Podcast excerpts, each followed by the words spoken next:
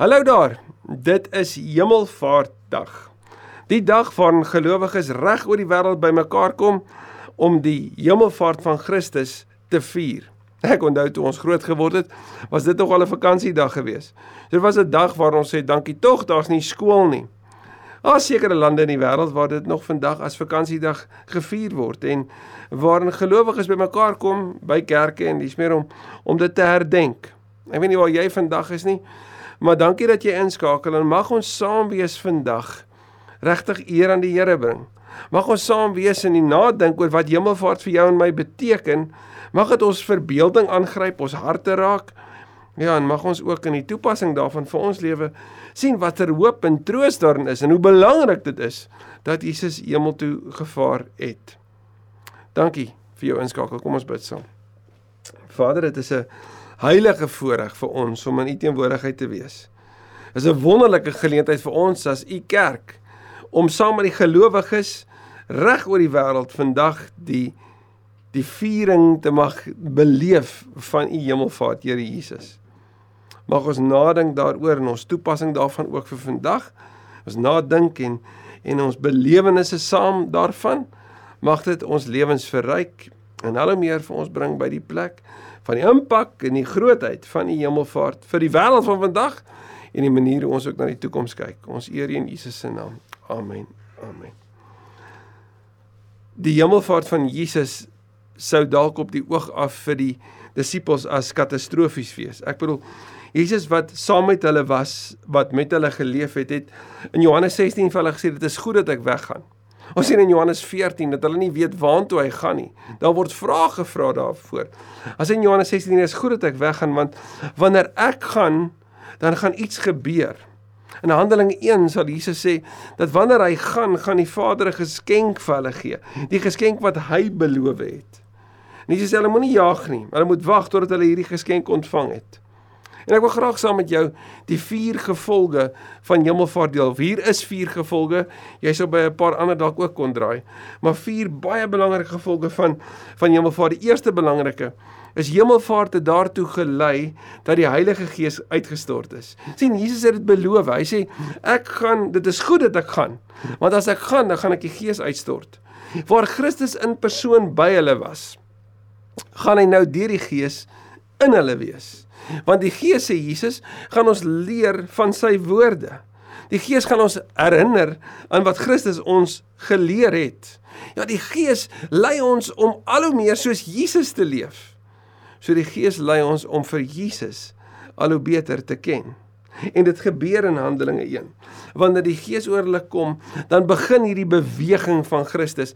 En ons sien dat God se reddingsplan 'n tweede fase bereik. sien die hele reddingsgebeurtenis kom by twee fases. Die eerste, Jesus wat tussen ons kom woon het en wat 'n unieke benadering op redding het die Christelike geloof nie. Nie dat daar van onder af probeer word of gepoog word om God te beïndruk nie, maar nie 'n God wat tussen ons kom woon, 'n mensevel aantrek, die pad stap en deur mense verwerp en deur mense gekruisig word wat opstaan en heers Wat sê vergeef hulle want hulle weet nie wat hulle doen nie. Wat sê maar dou soos wat ek julle liefgehad het, so moet julle nou die wêreld gaan lief hê. En hierdie beweging gebeur wanneer die Heilige Gees uitgestort word in die lewens van gelowiges.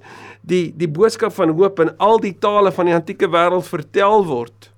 En die gelowiges nie net vashou aan die waarheid daarvan nie, maar die lewe daarvan gaan leef die bevryding van vergifnis van sondes en die omgee van God se liefde vir sy mense so intens beleef dat hulle dit gaan deel met ander. Hulle huise oopmaak en hierdie radikale lewe wat Jesus hulle vir hulle gemodelleer het, hoe hulle dit naleef. Met die een boodskap, ons kan nie stil bly hieroor nie. Ons het dit self gesien, self beleef en ons wil vir julle vertel Hy wat gekom het, wat gelei het, wat gesterf het, het opgestaan. Hy heers. Hy het opgevaar en hier is die belangrike, hy kom weer. So die eerste, die Heilige Gees wat uitgestort is. Die tweede gevolg van van hemelvaart en dis verskriklik belangrik vir jou en my is dat dit die groot aankondiging is dat Christus die triomfator is. Hy is die oorwinnaar. In Kolossense 2 word dit vertel as jy vers 14 en 15 gaan lees dat Christus het deur die kruis die skuld bewys wat teen jou en my is. Die aanklag het hy tot niet gemaak. Deur die bloed aan die kruis het hy dit vir ewig weggeneem. So dit wat skeiding gebring het tussen my en jou is aan die kruis weggevat. En dan staan daar en nou heers Christus en hy neem ons saam in sy triambos. Sy triomftog van oorwinning. So Jesus het die bose oorwin, die skuldbewys is weggevat. Dis klaar, daar is nie nog 'n oorlog nie. Daar's nie nog 'n 'n plek waarin bose en en en en lig teen mekaar gaan kom nie. Dis klaar oorwin. Die skuldbewys is weggevat. Die ewige vrede het gekom. Hy het die vrede herstel sê Kolossense. En nou word gelowiges saamgeneem in hierdie triambos. So wat hoe leef gelowiges in hierdie wêreld? Wel, ons leef met die boodskap van hemelvaart. Jesus is die oorwinnaar en omdat hy die oorwinnaar is, weet ons hoe dit werk vir die toekoms in. En daarom kan ons vandag vreesloos die wêreld ingaan met die boodskap dat hy heers want dit gaan oor hom en omdat hy oorwin het het ons nie vrees oor die toekoms nie leef ons nie onseker oor die toekoms nie want ongeag wat voorlê hy is by my want omdat hy opgestaan het en omdat hy opgevaar het weet ek hy kom en dit verander alles. Ons sien Kolossense kom sê dat Jesus het elke mag en elke gesag ontwapen. Die derde gevolg Filippense 2. Jesus kry die naam bo elke naam. As jy Filippense 2 lees en sê Paulus dieselfde gesindheid in julle moet in julle wees wat in Christus is. En dan beskryf hy Jesus se roete. Hy was sy bestaan op God gelyke wyse nie beskou het as iets wat hy moet vasklem nie maar hy het homself ontledig, letterlik, hy het uit homself losgemaak, leeggemaak daarvan. Hy het onder ons kom woon. Daai maar daai mense vel van hom. Maar meer nog, hy het homself nie net verneder om 'n mens te word nie, nee. Hy het homself verder verneder tot in die dood. Die dood aan 'n kruis, soos 'n slaaf. 'n Slaaf geword en gesterf aan 'n kruis. Die laagste punt onder. Daarom het God vir hom 'n naam gegee toe God hom uit die dood het opgewek het, wat bo elke naam is. Sodat in die naam van Jesus elke knie sal buig en elke tong sal bely dat hy Kurie is. sien Hemelvaart sê Christus is Kurios. Jesus is die Here. So Stefanus sê my Here en my God. As hy die Here is en jy verstaan dit in die Ou Testament, sou jy kon sê Jesus is Jahwe. Hy is God. Hy is waardig. En Hemelvaart kondig dit aan. Dit kom kondig aan dat dat die werk van die verlossing het klaar gebeur. Jesus heers en dit moet vir die wêreld verkondig word. Daar is net een Here, daar is net een God, daar is net een koning. En sy naam is die verlosser Christus. Hy is die Here. En omdat dit voltooi is, beteken dit hy heers vir ewig. En die vierde gevolg van hemelvaart wat so belangrik is vir jou en my is dat Jesus sy plek in die hemel ingeneem het. Hy kom staan in in Rom in Openbaring 4 word God beskryf en gaan lees dit gerus en jy sien die troon en jy sien die kleure, jy sien die reënboog, jy sien die kristalhelder see, jy sien die vier lewende wesens wat die ganse skepping, die makdiere, die wilde diere, die voëls en die mens verteenwoordig daarvoor hom. Jy sien die 24 ouderlinge wat Ou Testament en Nuwe Testament verteenwoordig, die ganse kerk van alle tye. Jy sien die engele, die duisende der duisende, miljoene der miljoene wat God se lof besing. En dan sien jy langs die troon is daar 'n lam. Die lam wat sy plek inneem. Daar's 'n boekrol wat geneem moet word en Johannes het met trane in sy oë moet hy hoor, maar daar's niemand wat dit kan doen nie behalwe een. Kom ek lees dit vir jou en en hoor saam met my wanneer ons Openbaring 5 lees hier vanaf vers 6. En ek lees vir ons uit die Nuwe Nuwe Testament uit. Die lam het oorwin en hy kan God se raadsplan ontsluit. Hoor net mooi. Toe sien ek 'n lam in die middel van die troon en die vier lewende figure en tussen tussen die ouderlinge. Hy het daar gestaan as die een wat geslag is. Die lam wat geslag is. Hy het sewe horings gehad en sewe oë. Dis die sewe geeste van God, die Heilige Gees in al sy volheid wat uitgestuur is na die hele wêreld toe. Hy het nader gestap. Toe vat hy die boekrol uit die regterhand van hom wat op die troon sit. Op daardie oomblik toe die lam die boekrol vat, het die vier lewende figure en die 24 ouderlinge in aanbidding neergeval voor hom. Hulle elkeen het 'n harp gehad en goue bakke. Dit was vol wierook.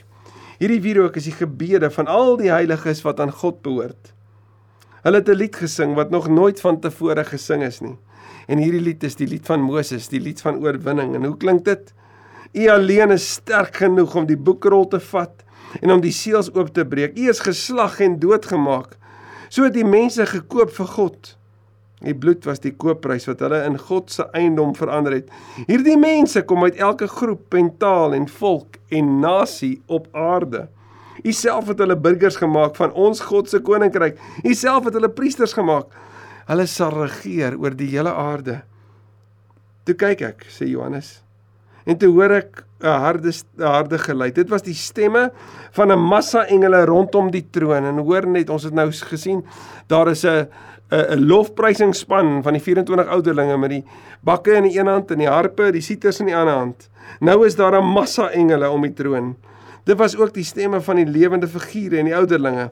Hulle almal saam was 10000 maal 10000 en duisende maal duisende. Die Griekse woord van dit is die meeste wat daar kan wees. Almal van hulle het met 'n harde stem uitgeroep. En wat roep hulle uit na hemelvaart? Die lam wat geslag is, verdien al die mag, die rykdom, die wysheid en die krag. Dit alles is syne. Ook verdien hy al die eer en die heerlikheid en die lof.